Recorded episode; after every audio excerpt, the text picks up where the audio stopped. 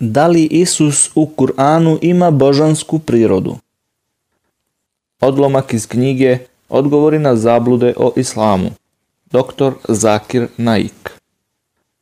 Odgovori na zablude hrišćanskih misionara. Zabluda. Vaš Kur'an kaže da je Isus kelimetullah, reč od Allaha, i ruhullah, Allahov duh.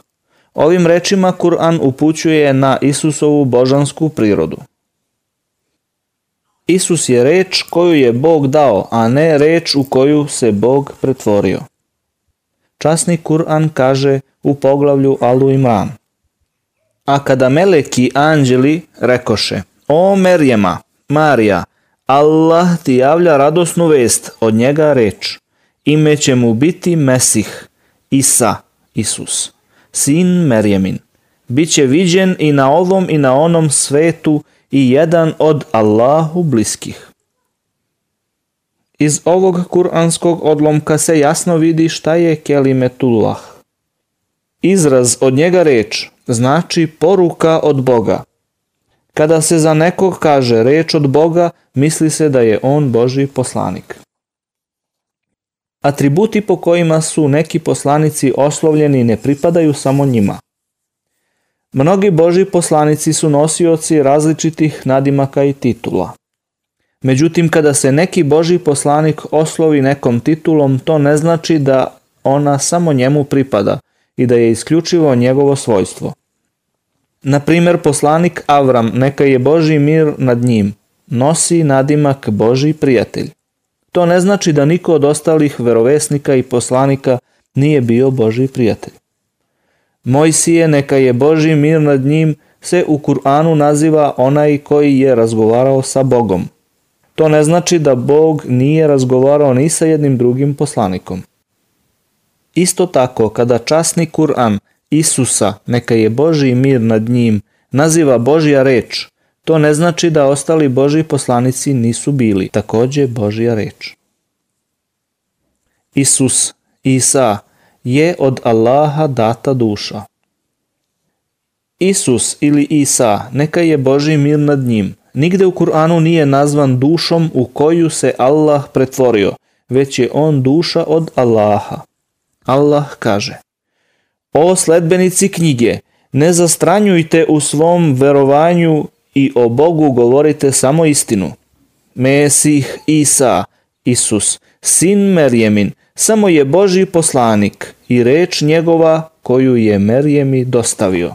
I duša od njega, zato verujte u Allaha i njegove poslanike i ne govorite trojica su.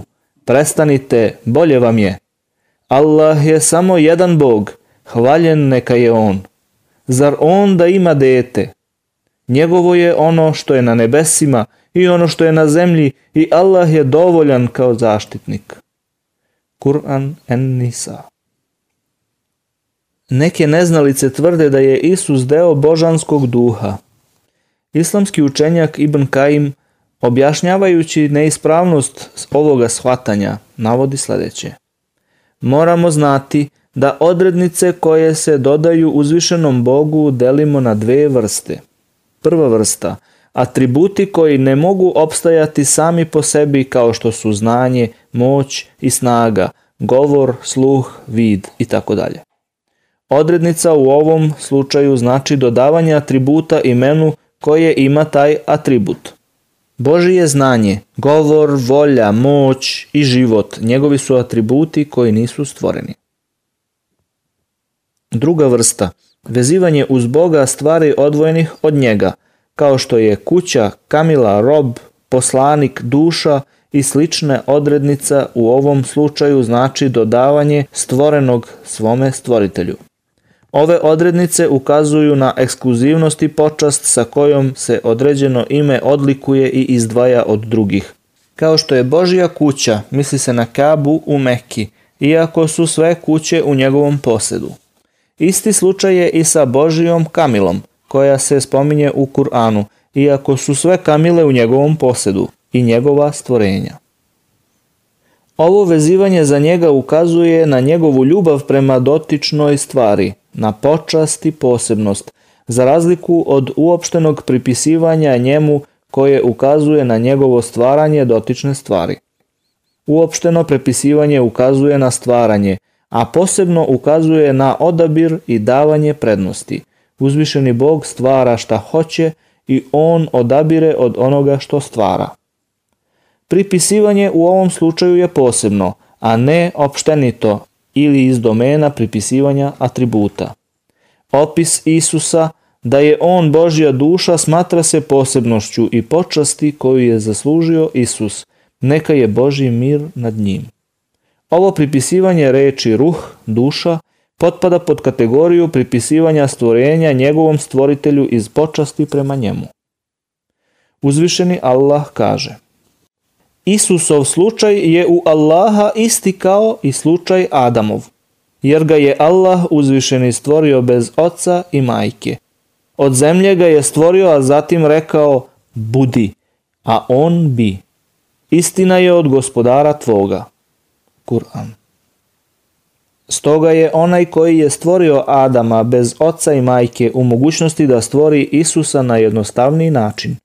Zato ako se može tvrditi da je Isus, neka je Božiji mir nad njim, Božiji sin, jer je stvoren bez oca, onda se isto tako može tvrditi da je Adam, neka je Božji mir nad njim, Božji sin iz istog razloga, čak i više, a svi se slažu da je ovo zabluda i laž.